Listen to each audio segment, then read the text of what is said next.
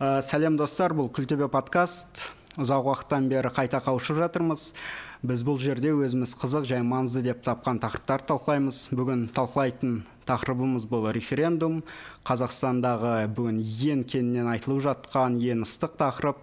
Бұл тақырыпты бүгін әріптесім саясаттанушы шалқар нұрсейітовпен бірге талқылаймыз.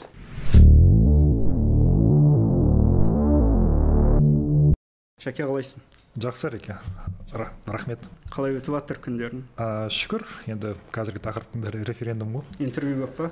Ә, референдумға байланысты иә енді сұраныс қазір ә, көпшіліктің қазір көз алдында жүрген тақырып болғаннан кейін бәрі не үшін өтіп жатыр кімге керек деген сұрақтарды көп қояды. Сол жауапқа жауап сұраққа жауап іздегісі келеді. Енді бірақ өкінішке қарай ә, референдум керек емес деген ә, көзқарас қалыптасу үшін ақпарат жеткілікті емес сияқты көрінеді маған. Маған да солай көрініп отыр. Ақпарат бір сарында сияқты. Мына референдумге бөлінген 16 миллиард теңге бөлінді. Өткен президенттік сайлауға тоғызда екі миллиард бөлінді қателеспесем. Бір жарым есе көп бөлінді ақша. Және сол ақшаның барлығы пиар компанияға өтіп жатқан сияқты. Және де бұл бір талқылау емес бір сарында референдум керек. Және де бұл ә, тоқаевтың бір тағдырымызды шешетін үлкен бір шешім ретінде ұлықтау мадақтау сарында өтіп жатқан сияқты қазір. Иә әдеттегідей әдеттегідей бір ғана көзқарас бар бір ғана нарратив бар. Және ол үнемі дұрыс яғни бізде саяси режим біздің айтқанымызды жүрсеңдер ә, кезінде екі мың отыз екі мың елуде қалай айтты сол сияқты. Міне жаңа қазақстанды біз бірге құрамыз. Дәл сол риторика. иә, референдум главный бұл жерде ең бастысы референдумға тіреліп тұр да барлығы бұлардың ойынша. Референдум шешілсе қолдасаңдар жетпіс жетпіс бес процент. Ары қарай барлығы тамаша болады деген месседж таратып жатыр. Мен де жаңа бір месседж естіген жоқпын.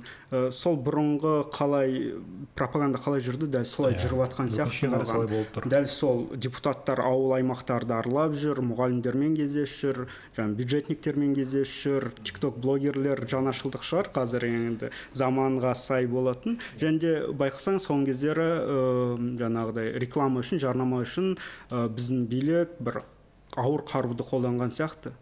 Ана президенттік сайлаудың алдында байзакованың тойы бар еді.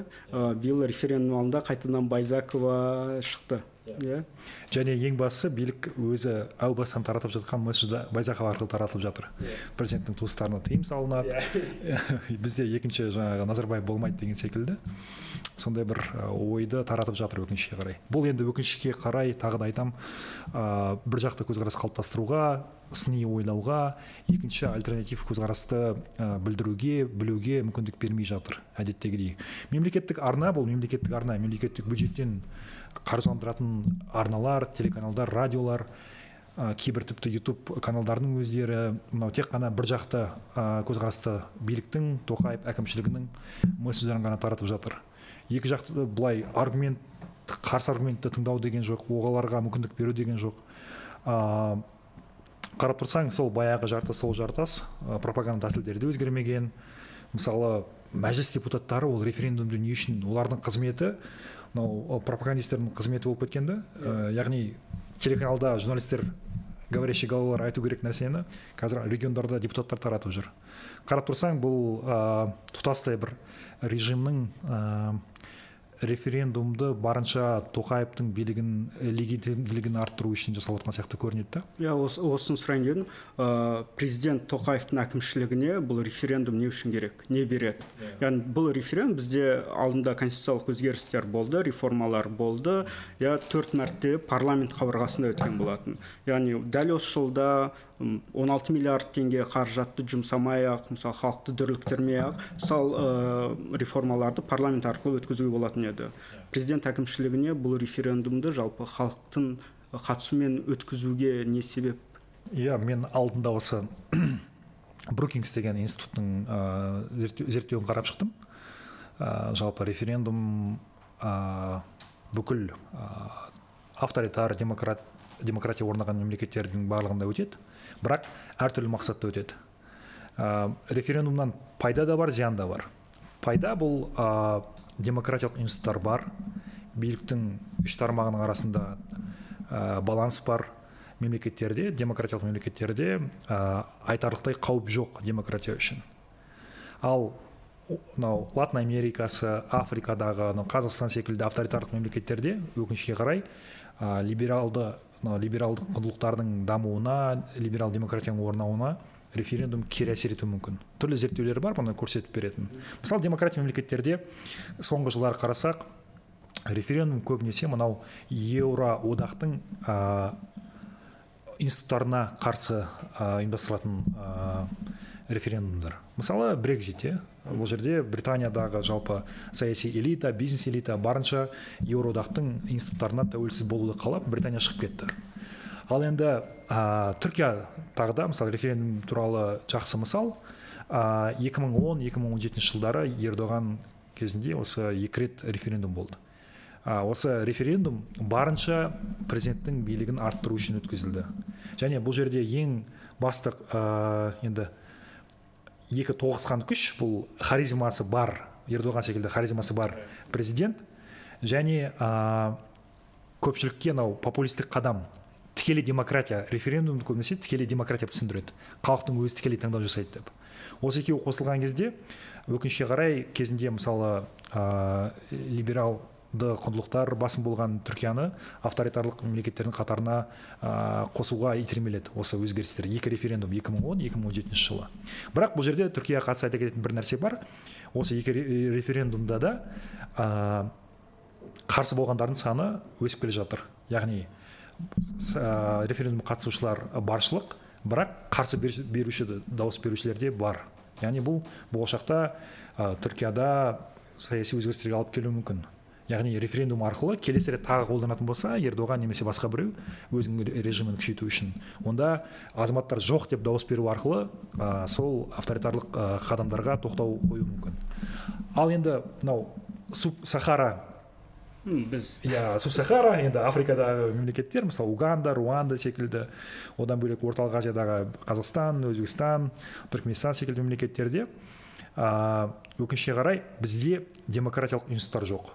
Яғни біз біріншіден референдумға керек елу процент адамдардың ә, жаңағы қатысуын қамтамасыз етпесек бойкот жариялау арқылы елу процент явка болмаса онда референдум болмай қалады. Бірақ бізде өкінішке қарай орталық сайлау комиссиясы бұл президент әкімшілігіне тәуелді орган. Сол себепті бұлар керек процентті жасап береді. Қазірдің өзінде енді шамамен мынау әлеуметтік сауалнамаға қарасақ билік жасап жатқан жетпіс бес пайыздың ол жақ бұл жағында болуы мүмкін референдумға иә деп дауыс берушілер. Екінші нәрсе бұл референдумға қатысу арқылы жоқ деп жауап беру арқылы референдум болдырмау. Бұл африкада және қазақстан секілді орталық азиядағы авторитарлық мемлекеттерде бұл мүмкін емес жағдай. Яғни бұл жерде нәтижені де жариялайтын да әрбір учаскенің протоколын жарияламай тек ортақ жаңағы ә, жалпы республикаға тән көрсеткішті ғана көрсетеді. Ә, бұл жерде біз нақты ә, жоқ деп жауап берушілердің санын біле алмаймыз процентін біле алмаймыз. Яғни екі жолда қазір жабық. Сол зерттеуге мен жаңағы атап өткен зерттеуге сүйеніп қарасам ә, қандай жағдайда референдум болмай қалады?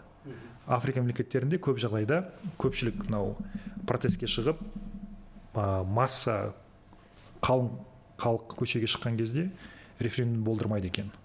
Енді бұл жерде ешқандай бір көшеге шақыру немесе ешқандай ә, саяси акт жасауға шақыру емес бұл ғылыми зерттеулердің мысалдарын келтіріп отырмын.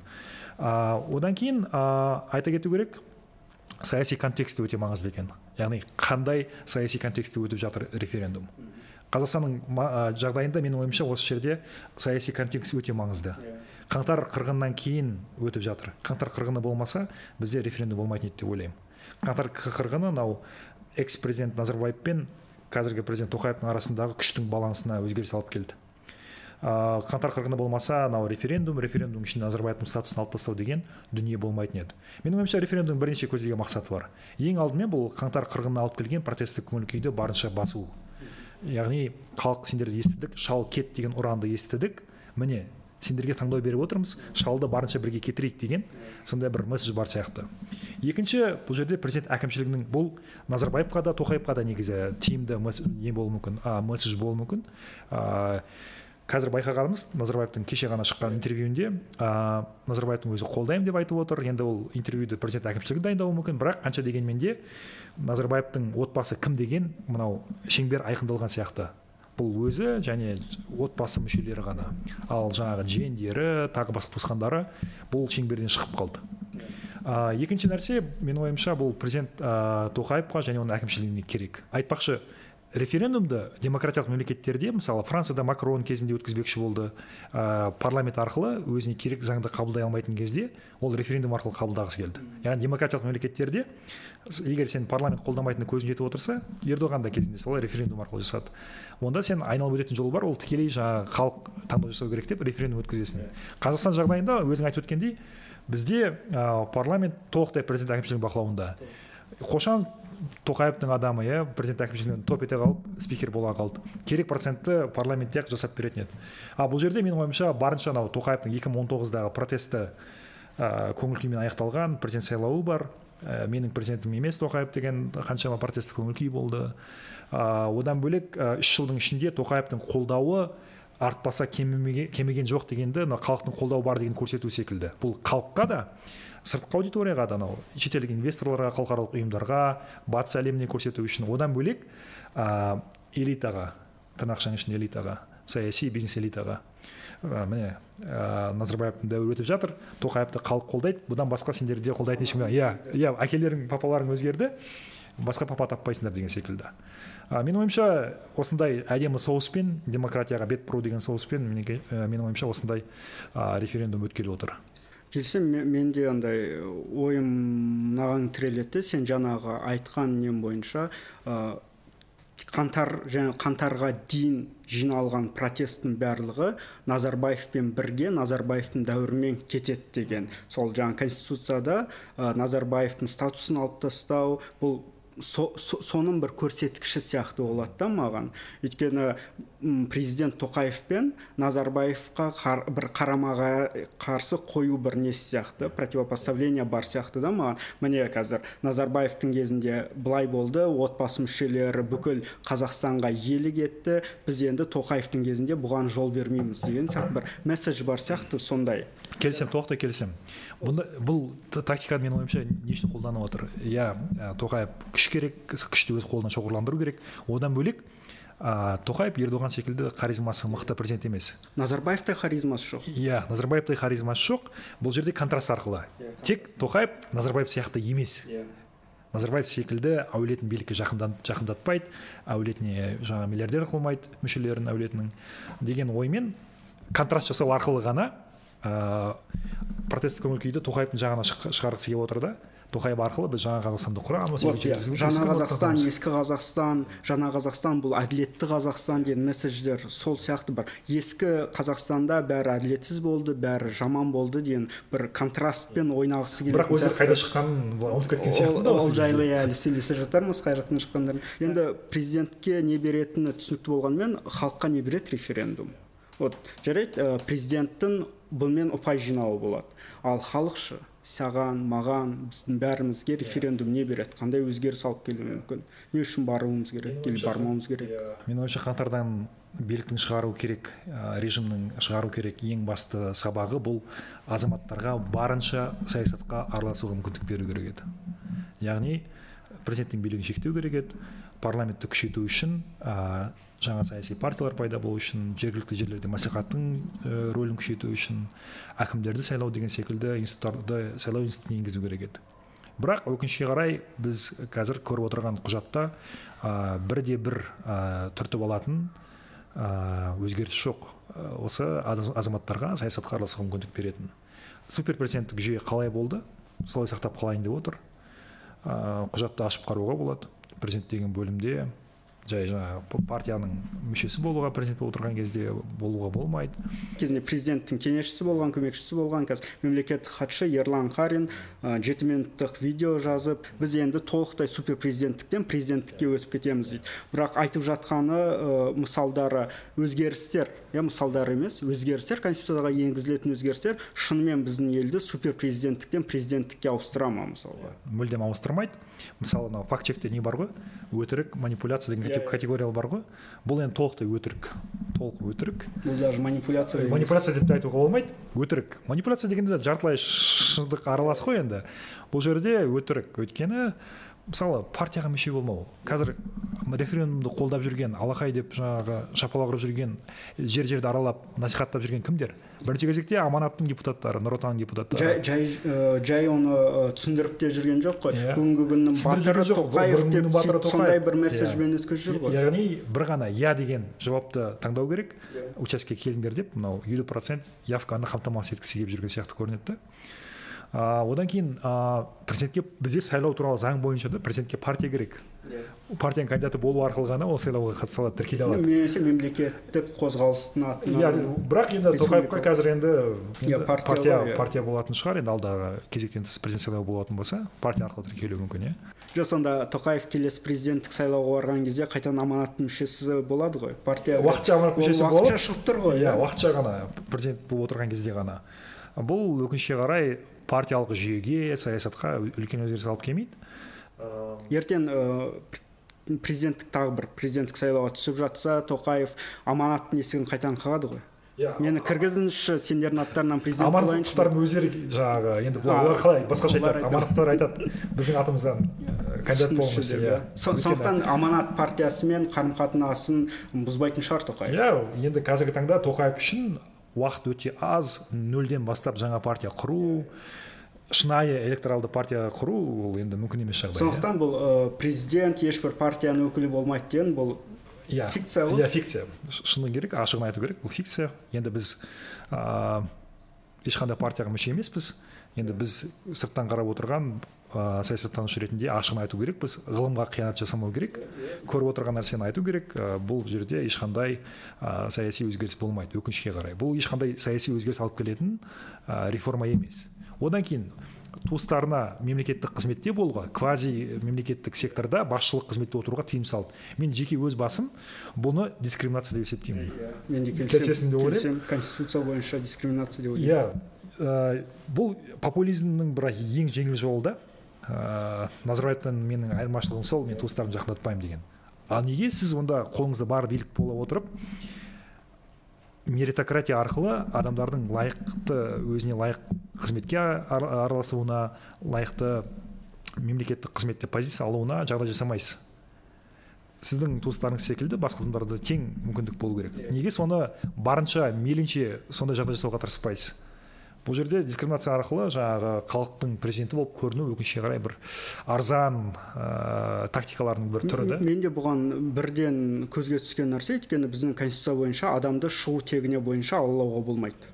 Яғни президент отбасында дүние келген адам ә, саяси карьера жасауға әбден мүмкін да оның қақысы бар да. Енді түсінемін президенттің қол астында жұмыс істеген адам президенттің туысқаны болу енді бұл ә, жаңа мүдделер қақтығысына алып келуі мүмкін. Ол логикалық тұрғыда енді өзінің немересін жиенін баласын ә, білмеймін там президент әкімшілігінің басшысы ретінде тағайындаса енді сұрақ туындататын еді иә. Бірақ ертең ә, мәжілісте мәжіліске парламентке бір мандатты округтан сайлауға түскенде президенттің туысқаны неге сайлауға түсе алмауы мүмкін мысалға? Егер шынайы ашық әділ сайлау болса ол сайлауда президенттің туысы жеңіп шығатын болса yeah. Иә. ешқандай фальсификациясыз ешқандай әкімшіліктің қолдауынсыз онда ол адамның толықтай құқығы бар парламентте отыруға мандатқа ие болуға иә өйткені ондай мысалдар бар иә америкада 2000 жылы джордж буш кіші президент болған кезде флорида штатының несі губернаторы туған інісі болды қателеспесем джефф белл джефф буш джефф буш иә то есть андай ә, сайланбалы органдарға ә, өту меритократияның орын алуы бұл әбден заңдылық қой. Иә сол себепті бұл да бір ақылға қонбайтын бұл контраст иә уже контрастпен ойнау ғой. Назарбаевтың туысқандары бүкіл қазақстанды иеленді лауазымдарды иеленді менің кезімде бұндай болмайды және де оның жиендері сол жолдаудан кейін белгілі бір қызметтерден кетті иә бәйтеректен кетті. Бәйтеректен кетті қателеспесем. Бірақ бізде ә, мысалға басқа лауазымды тұлғалардың інілері балалары дәл сол квазимемлекеттік секторде басшы болып жүр. Иә мысалы қошанов парламент мәжіліс төрағасы қошановтың інісі немесе ағасы ә, квазимемлекеттік секторде бір ұлттық компания ма бір компанияның басшысы иә сондай болып отыр. Иә бұл жерде ә, президенттің айналасындағы адамдар үшін де ешқандай бір кедергі жоқ та. Бұл енді әдемі контраст. Ә, бізді ойлайтын шығар көрермендер мына екеуі назарбаевтың дәуірін аңсап отыр деп. Иә сол себепті ашығын айту керек ә, бұндай ыыы әдемі контраст әдемі ойнау мойындау керек. Иә келісемін. Иә манипуляция жасау үшін көпшіліктің жаңағы санасына назарбаев дәуіріне соңғы нүкте қоятын кез келді бірге қояйық сол нүктені деген секілді бір әдемі месседждер келісемін мен жамандап жатқан жоқпын. То есть ол политтехнологиялық бір қадам болуы мүмкін. Ол әдемі жасалынған қадам сондықтан мойындау керек иә. Халыққа өтіп кетті. Бұл жерде енді бұлар біз политтехнологияны мойындап жатқан жоқпыз дейтін болса онда ыыы мынау белоруссиядағыдай ресейдегідей конституцияға енгізетін өзгеріспен келісесіз ба дейді. Бір ғана сұрақ қоймау керек еді. Иә. екіге бөлу керек еді. Жоқ дегенде назарбаевтың статусын алып тастауға атын алып тастауға келісесіз бе? Екінші сұрақ қалған отыз екі бапқа енгізетін өзгеріспен жоқ дегенде ең минимал вариант. Біріншіге барлығы иә деп жауап беруі мүмкін. Екіншіге енді көбісі таныспағаннан кейін күмәнмен қарап жоқ деп жауап беретіндер де болуы мүмкін. олай соны түсініп отырмыз ғой. Бұл жерде жаңағы елбасының статусы оның туысқандарын жаңағыдай бір ә, шектеу бұл үлкен бір ә, өзгерістердің локомотиві ғой барлығын алып келетін халыққа ең тез есте қалатын халық талқылайтын тақырып осы ғой. Иә, иә. жұрт өзінің ойын білдіре алатын мысалы анау ә, референдумда ұсынылып отырылған өзгерістер қамтылған құжатпен таныспай ақ иә. Жұрт осы қандай өзгеріс болайын деп сұрасаң кез келген адам осыны айтуы мүмкін. Назарбаевтың аты болмайды. Иә иә назарбаев қалған иә конституцияны назарбаевты алып тастайды деп. қалған жетпіс бес жаңағы өзгерісті ә, олар ашып қараған да жоқ. Тіпті өзін экспертпін саясаттанушы деп жүрген азаматтардың өздері мен әңгімелерді байқасам көбісі жаңағы құжатты ашып қарамаған. Бұл енді өте өкінішті жағдай. Біздегі енді мынау қоғамдық сананың эксперттік ортаның деңгейін өкінішке қарай бір ә, көрсететін индикатор сияқты да? Ол мүмкін иә. Ә, неге қалай қарайсың андай ә, суперпрезиденттіктен кетіп кету жолында президент тоқаевтың сенатқа тағайындайтын 15 депутаттың онға дейін шектеуі. Енді бұл да күлкілі күлкілі өзгеріс. Өйткені мәжіліс үлкен реформа емес па бұл он бес адам тағайындайтын еді қазір он адам тағайындайды. шын мәнінде ә, сенаторлардың барлығы президент әкімшілігі тағайындайтын сенаторлар. Мысалы мәслихат оларды тырнақшаның ішінде сайлайды иә жанама сайлау арқылы. Иә ал сенатор сенатор болатын екі кандидатты облыстарда республикалық маңызы бар қалаларда кім ұсынады көбінесе әкім әкімдіктер ұсынады әкімдер ұсынады мәслихаттың өзі ұсынады. Мәслихаттың өзі ұсынады. Әкім айналып келген кезде осы жүйенің адамдары ә, аймақтан бір жергілікті авторитет өзі жаңағы бизнесмен болуы мүмкін мемлекеттік қызметті көргісі келеді немесе сенатор деген атақ керек оған. Осылай жаңағы президентпен жақындау болу үшін де жасауы мүмкін иә. Ә, тіпті мәулен әшімбаев сенатор ә, болды артынша бірден спикер болды иә. Қазақстанда ғана болуы мүмкін жағдайлар да бұл. Мысалы қошановта мәулен әшімбаев та сайланбалы орган парламентте тағайындалады. Әп сәтте артынша спикер болады иә. Бұл енді бізде ғана болуы мүмкін жағдай. Ыыы өкінішке қарай мынау ұсынылып отырған өзгерістердің ішінде бұндай жағдайға тыйым салатын өзгеріс те жоқ. Яғни тағайындалатын депутат болмайды тағайындалатын сенатор болмайды тағайындалатын спикер болмайды деген өкінішке қарай өзгеріс жоқ. Сол себепті бұл жай ғана ыыы манипуляция. Он бестен онға қысқарды деген ол президенттің сенатқа ықпалы азайып кетеді деген сөз емес. Онсыз да бүкіл сенат президенттің ашса алақанында жұмса жұдырығында ә, тұрған орган. Тек фильтр баяғыдай фильтр. Маған жалпы бұл шешім бір абсурдтық шешім болып көрінеді. Президенттің бұл президент атқарушы билік өкілі. Ә, сенат бұл заң шығарушы иә? Атқарушы билік өкілі заң шығарушы биліктің адамдарын тағайындау деген өзі абсурд. Бұл болмау керек қой. Бұл білмеймін дамыған елдерде бұндай жоқ. Бұл нағыз мысалы суперпрезидент өзгермейді деген мысалы. Яғни президент барлығынан жоғары тұр. Мысалы президент ә, мысалы ә, экономикалық саясатта проблема болса оған смайылов немесе басқа премьер министр кінәлі деп қарамау керек. Иә. президент атқарушы биліктің өкілі ә, сол себепті бірдей жауапкершілікті президент тарту керек. Ал бізде қалай? Президент тек қана тапсырма беруші жақсы атақты алушы. Сол себепті бұл да өзгермей ә, конституциялық реформа болып жатыр деп айту мүлдем келмейді. Ә, президент ә, сенат депутаттарын тағайындап жатқан кезде ә, мықты парламент туралы ешқандай сөз қозғаудың қажеті жоқ деп ойлаймын. Әрине әрине. Өйткені депутаттар президенттен тәуелсіз болу керек. Ал тағайындалған адам ол қалай тәуелсіз болады? Ол бүкіл саяси карьерасымен бір адамға ғана жауапты адам ғой. Бар рахметін президентке айтады. Сондықтан керек кезінде енді президенттің шешімдерін қолдау мысалы елдің емес президенттің шешімін қолдап кету әбден мүмкін. Иә. осы парламентке қатысты қорытындылап айтатын болсақ иә шынымен өкінішке қарай бізде билік айтып отқандай мықты парламент қалыптаспайды. Мықты мажоритарлы жаңағы жүйе арқылы иә аралас жүйе арқылы қалыптастыру дейді. Ә, мажоритарлы жүйемен қалыптас ә, билікке келген мандат алған депутаттар ә, сайлаушылардың жалобасымен оның мандатын тартып алу механизмі қарастырылған. Ал ондай шешім ондай мүмкіндік мынау депутаттарды қайтарып алу деген пропорционалды жүйе бойынша партиялық тізіммен ә, сайланған ә, депутаттарға жүрмейді. Қарап тұрсаң ә, бұл жерде барынша рисктерді тәуекел рисктердің алдын алу. Егер енді отыз шақты депутат мажоритарлы жүйемен сайланатын болса оның ішінде кем дегенде он шақтысы шынымен тәуелсіз депутаттар болатын болса солардың өздерінен қауіп көріп отыр бұл жерде. Бізде не көп әрбір әкімдікке тәуелді әкімдіктен тендер алып отырған қаншама үкіметтік емес ұйымдар бар тетушкалар бар қаншама митингтерде көретін. Соларды қолданып болашақта бір сот процесін шығарып депутат тәуелсіз депутаттардың мандатын алып қоюы мүмкін. Енді көрейік сайлау туралы заңға қандай өзгеріс енгізеді осыдан кейін сол механизм қалай болатынын. тәжірибе жүзінде көрмесек оны енді сол тәжірибеден бұрын ең алдымен жаңағы заңға өзгеріс енгізетін кезде қарайтын болсақ механизм қалай болады? Депутаттың мандатын тартып алу. Соған қарап иә кері қайтару. Соған да қарап бір болжам жасауға болады. Иә. сондай ақ президент қазір енді бізде қаңтар оқиғасынан кейін енді алматы жұртшылығы иә әлеуметтік желіде ең белсенділердің көбісі алматыдан ғой. Алматылықтар алматы әкімін сайлау талап етті. Өзіміз әкімімізді өзіміз сайлайық деген талап болды.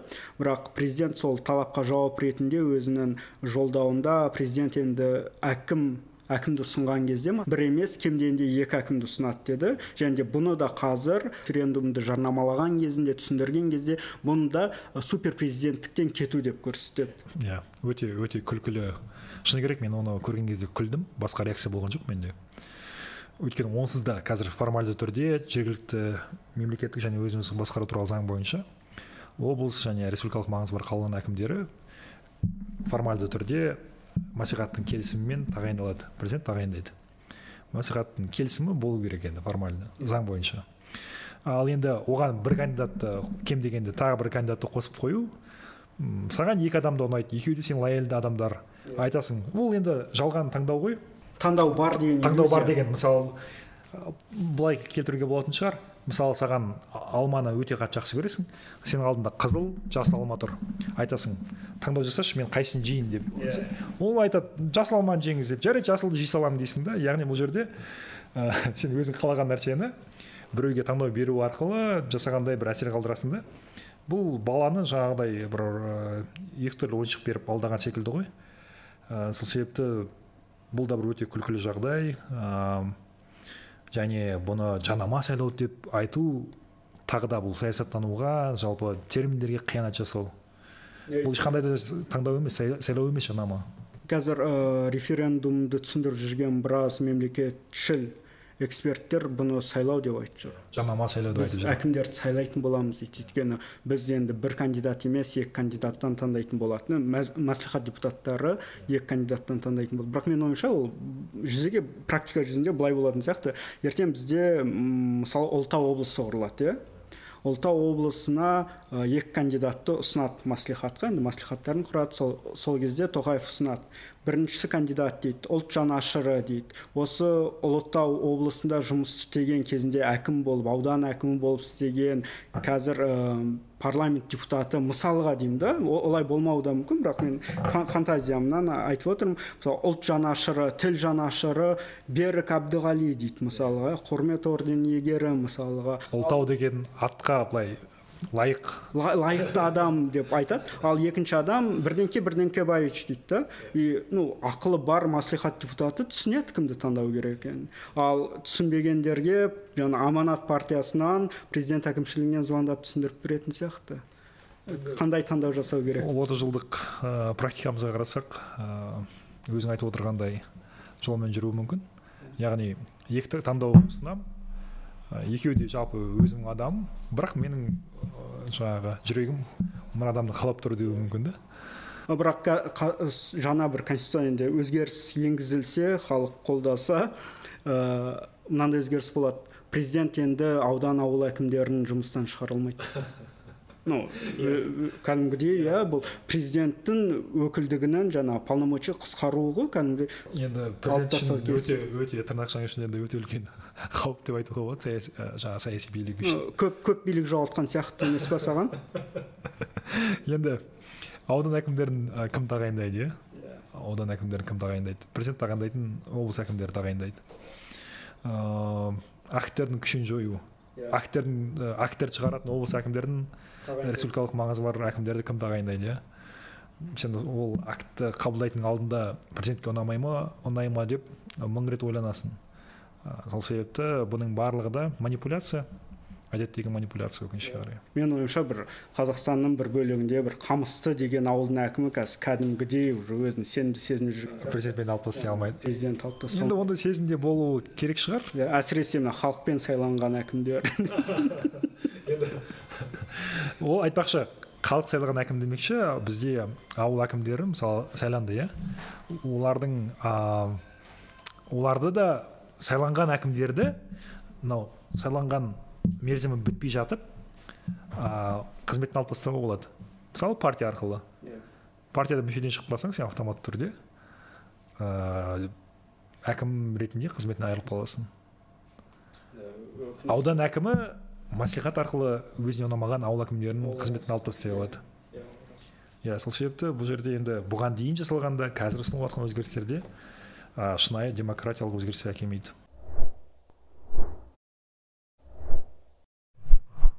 ауыл әкімдеріне өкінішті нәрсе екен.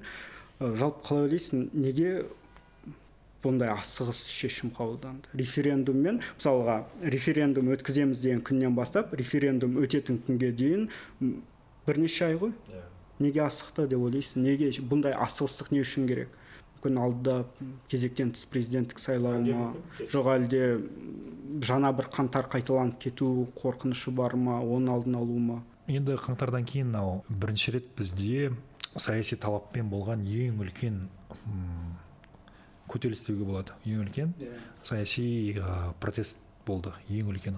Қазақстанның мынау соңғы отыз жылдық тарихында барлық өңірлерде деуге болады. Саяси талаппен ә, азаматтар көшеге шықты талап етті. Өкінішке қарай қаншама екі жүз кем дегенде екі жүз отыздан аса азамат қаза болды. Әлі дейін олардың атын толық, толық жариялаған жоқ билік. Және ә, билікте қанша дегенмен қаңтарға дейін бір монолит сияқты көрініп келді бізге. Иә. Yeah. енді үш жыл бойы қолы байланған президент болып отырды тоқаев. Енді қаңтар оған бір жоқ жерден күтпеген жерден оған бір ә, мүмкіндік сыйлағандай болды да президент ретінде өзіңді сезін міне саған билік деген секілді. Және ә, назарбаевтың статусын алып тастау ә, кешегі назарбаевтың интервьюі бұның барлығы дерлік. Биліктің мынау ә, өзінде ә, текетірес ә, қанша дегенмен пайда болғанын көрсететін секілді. Екеуінің арасы бұрынғыдай емес екенінен хабар береді деп ойлаймын. Ә, және екеуі де бір режим.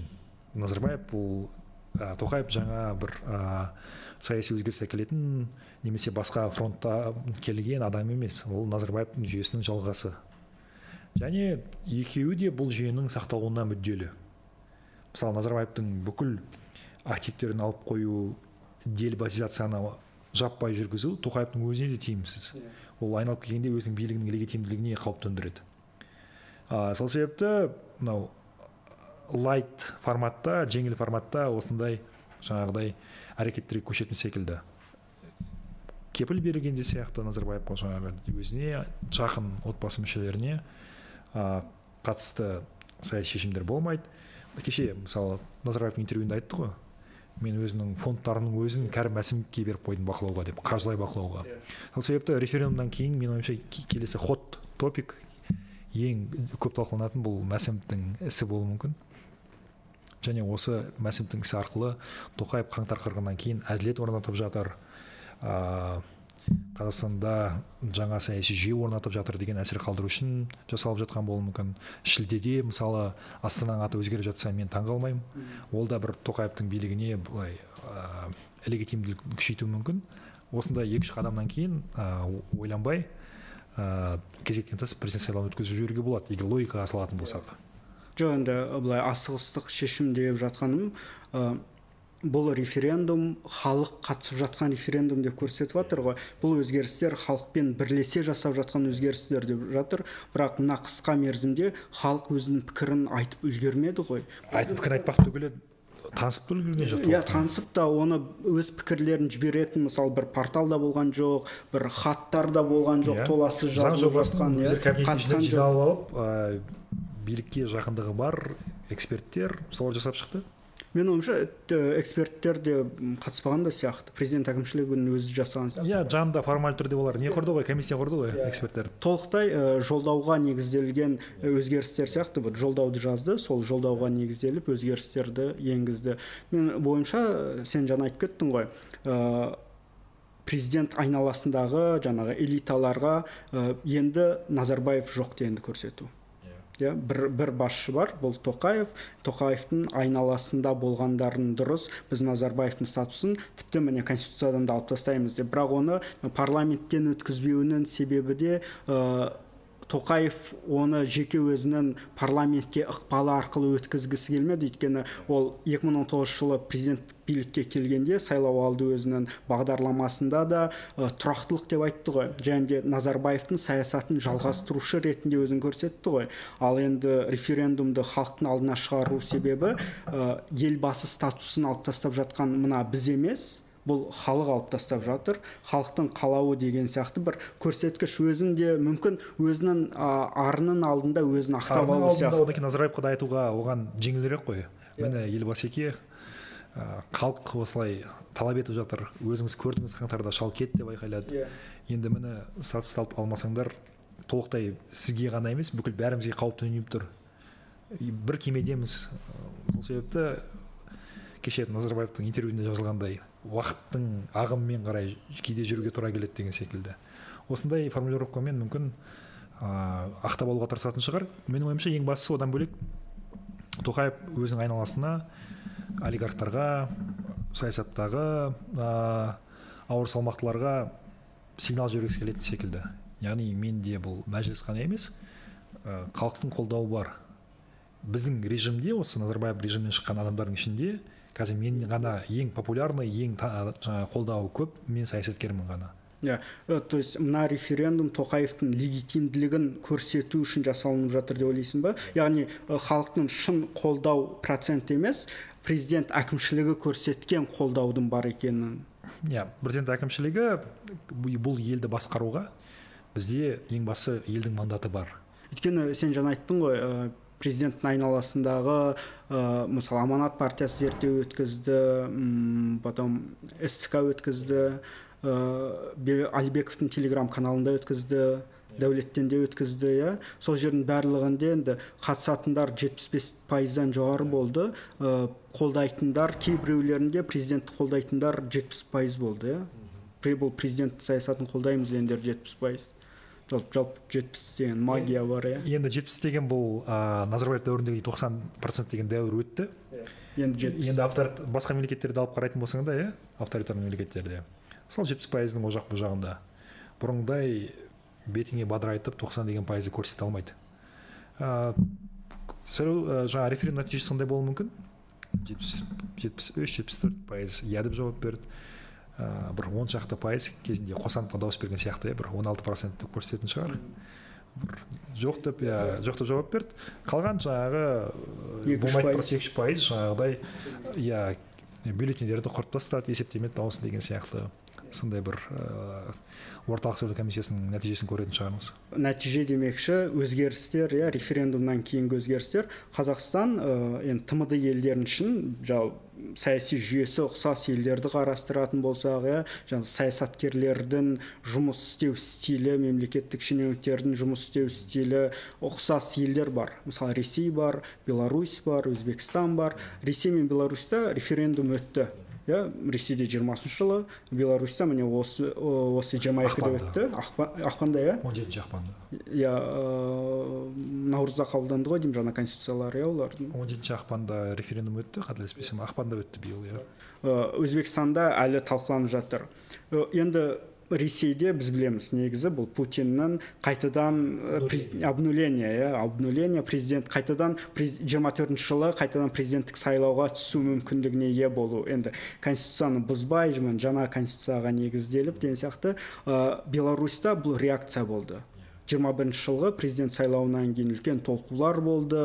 Ә, лукашенко үш пайыз алды. Легитимді президент емес деген сияқты ә, үлкен шерулер болды. Мыңдаған адамдар елден кетті мыңдаған адамдар қамалды ә, бұл реак... сол кезде лукашенко айтты біз жаңа конституция қабылдаймыз керек десеңіздер мен билікті ұстап тұрған жоқпын маған билік керек емес.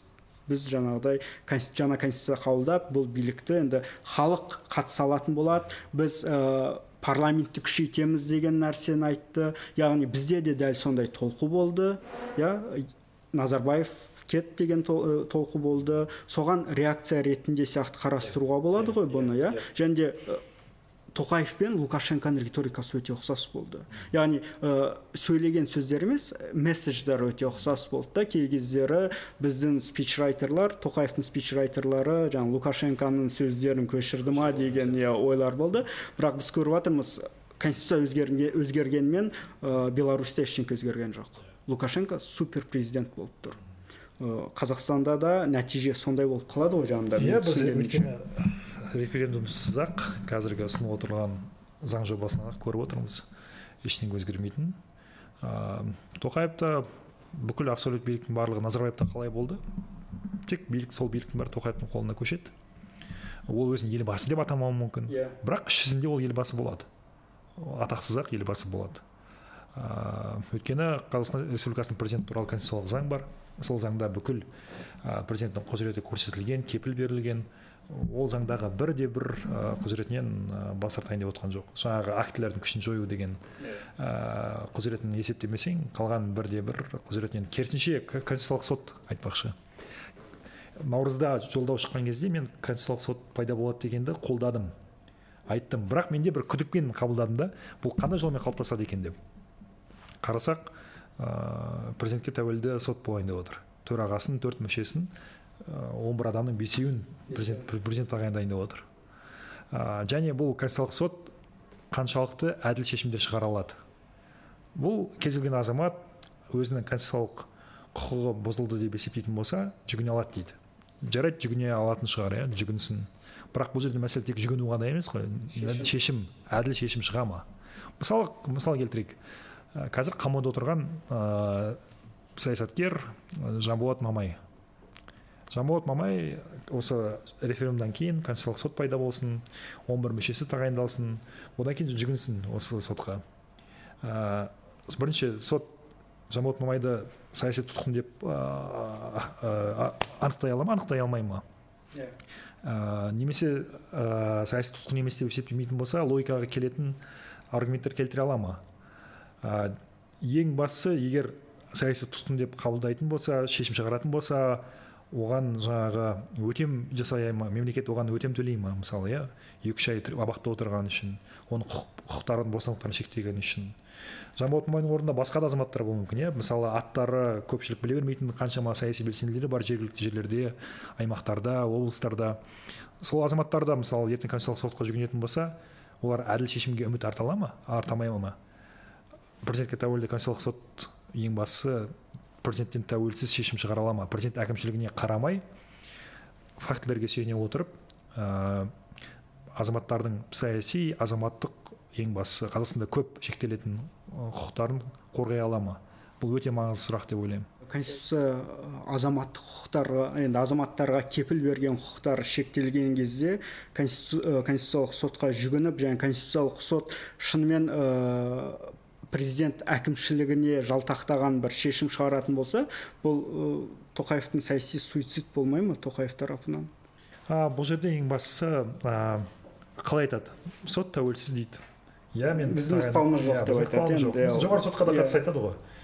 Жоғары соттың шешімі ә, өздерінің шешімі дейді. Бірақ есіңде ма жәкішев шығатын кезде жәкішев босап шығатын кезде тоқаев ә, информбюроға ма интервью берді. Сол кезде айтты ә, сол кезде сигнал берді жәкішев жақында шығатын yeah. Иә. бірақ айтты мен қатысым жоқ сот шешім шығарады деді yeah. Иә. көп ұзамай ә, мұхтар жәкішев бостандыққа шықты yeah.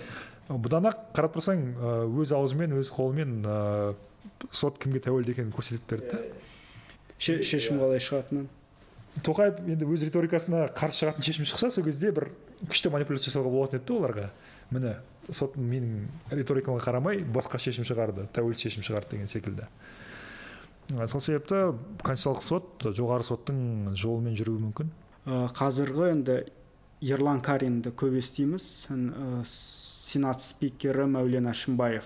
Екеуі бір месседжді айтып жатыр жаңа қазақстан бұл әділетті қазақстан деп. Яғни референдумнан кейін ә, бірден олар айтады бірден енді әділетті қазақстан орнай қоймайды дейді. Енді олар да өз түсініп жатыр олар гарри поттер емес сиқырлы таяқшалар жоқ. Бірақ біз сол жолдамыз дейді да. Біз ә, әділетті қазақстанды жасауға оны орнықтыруға жұмыс істейтін боламыз деп айтып жатыр ә, бұл орайда сұрақ ә, жігіттер сендерге кеше не кедергі болды? Иә мысалы мәулен әшімбаевқа 2021 жылы 16 желтоқсанда мысалға назарбаев күшінде болып ә, тоқаев тәуелсіздік күнімен қазақ халқын құттықтап жатқанда ә, назарбаевты жер көкке сыйғызбай мақтап жатқанда мысалға ә, бұл бұл мақтау әділетсіздік қой деп айтуға не кедергі болды әшімбаевқа мысалға сол кезде. Жалпы бізге ескі кадрлармен жаңа әділетті қазақстан әділетсіз қазақстан болып тұрған кезде әділетсіз деп айта алмаған адамдармен әділетті қазақстан құру мүмкін бе? Өкінішке қарай ә, олардың позициясы келесі президент ауысқанға дейін болуы мүмкін тұрақты болуы мүмкін. Тоқаев биліктен кеткенше. Тоқаевтан кейін кім билікке келеді?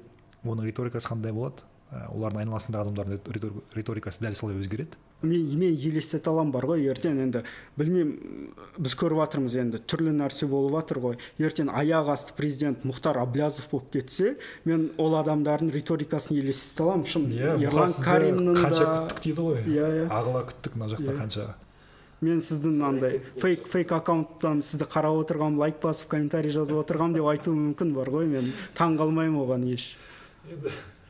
Өкінішке қарай саяси ұстанымдары ә, тұрақсыз ә, адамдармен ә, тұрақты құндылықтар адекват құндылықтар бар мемлекет құру өкінішке қарай ә, мүмкін емес. Ә, өйткені қазір өзін элита санайтын ә, жоғары лауазымда отырған адамдардың ешқайсысы тоқаевтан бастап назарбаевтан бастап ешқайсысы әділ ашық сайлау арқылы билікке келген адамдар емес. Барлығы тағайындаумен келген адамдар. Барлығы орталық сайлау комиссиясының электоралды автократияны осы уақытқа дейін күшейтіп келді. Бізде электоралды автократия. Мынау референдумда осы. Иә. электоралды автократияны ары қарай күшейту үшін жасалып отырған қадам. Электоралды автократияда сайлау болады референдум болады. Бірақ бұл жерде мәселе қалай өтеді деген ең маңызды сұрақ та. Ең бастысы өтеді бақылаушылар келеді. Мынау қазір бақылаушылардың өзін билік қатты көп дайындайтын болып кетті өйткені. Көріп жатыр. Әсіресе 2019 жылы тәуелсіз бақылаушылар биліктің фальсификациясына кедергі болатынын көрді. Сол себепті қазір кезінде мұрат аманаты махат садықтың таза сайлау секілді жаңа ұйымдар пайда болып жатыр. Бұлардың басты ойы жаңа біз платформамыз ешқандай ұйым емеспіз. Тәуелсіз бақылаушыларды дайындаймыз дейді да. Ертең олар сайлау біткеннен кейін референдум өткеннен кейін иә азын аулақ бір кішігірім ә, заң бұзушылықтар болды бірақ ол референдум нәтижесіне еш әсер еткен жоқ деген мәлімдеме жасау арқылы референдумды мынау қоғамдық санада саяси дискурста ә, бекітуге ықпал ететін болады көмектесетін болады.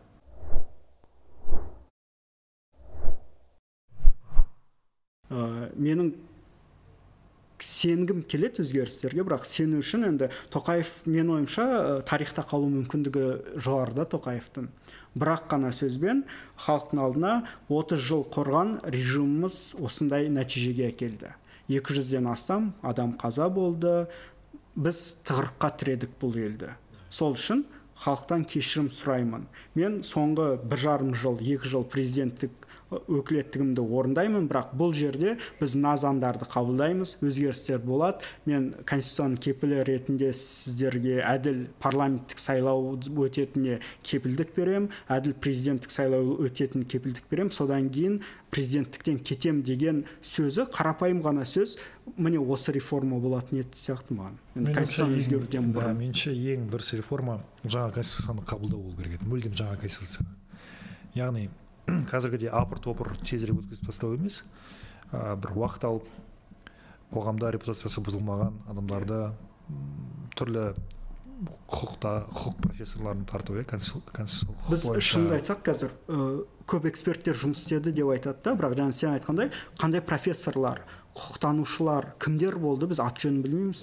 Ел сыйлайтын құрметтейтін жаңағы мысалы біліміне күмән келтірмейтін иә экспертизасы қай деңгейде иә, екенін көре иә. алатындай керек болса шетелдік эксперттерді тарту керек адамдардың аттары аталмайды то есть кімдер эксперттер дейді эксперттер қатысты дейді бірақ кімдер олар? Әрбір эксперттің аты жөні бар ғой. Иә. кім қатысты біз көруіміз керекпіз бұл өзгеріс бүкіл қазақтарды бүкіл қазақстанды қамтитын өзгерістер. Сондықтан кім жасап жатқанын білуіміз керекпіз ғой авторы кімдер? Сенің ойыңа жалғас ретінде айтайын. Менің ойымша бұндай өзгеріс емес жаңа конституцияны сыну керек еді. Міне менің құзыреттерім осынша болған ескі конституция бойынша. Мына жаңа конституция бойынша мен құзыреттерімнің осыншасынан бас тарттым. Алдында парламенттің құзыретін парламенттің өзіне қайтарып бердім. Мен заң шығару инициативасы жоқ менде. Мен тек орындаушымын. Парламент қандай заң қабылдайды мен соны орындаушы боламын. Сот билігі. Мен соттың билігіне төрелігіне ешқандай әсерім болмайды ықпал етпеймін. Тәуелсіз болады. Әкімдерді сайлайық президентті сайлай алатын депутаттар сайлай алатын адамдар олардың санасы әкімді сайлауға да жетеді. Сол себепті қаңтардағы сабақтарды мен ескердім. Елге мүмкіндік берейік. Ә, жаңаға шынымен жаңа қазақстан құратын болсақ жаңа қазақстан жаңа конституциямен құрайық деп айту керек еді ұсыну керек еді. Ә, және мен келесі екінші мерзімге сайланбаймын деп ашық айту керек еді. Мен өтпелі кезеңнің президенті боламын кезінде роза отынбаева сияқты мысалы қырғызстандағы. Сөйтіп тарихта бір реформатор ретінде қалу мүмкіндігі болатын еді. Бірақ қазіргі жағдайда дәл қазір біз ол мүмкіндікті пайдаланғысы келетінін көріп отырған жоқпыз.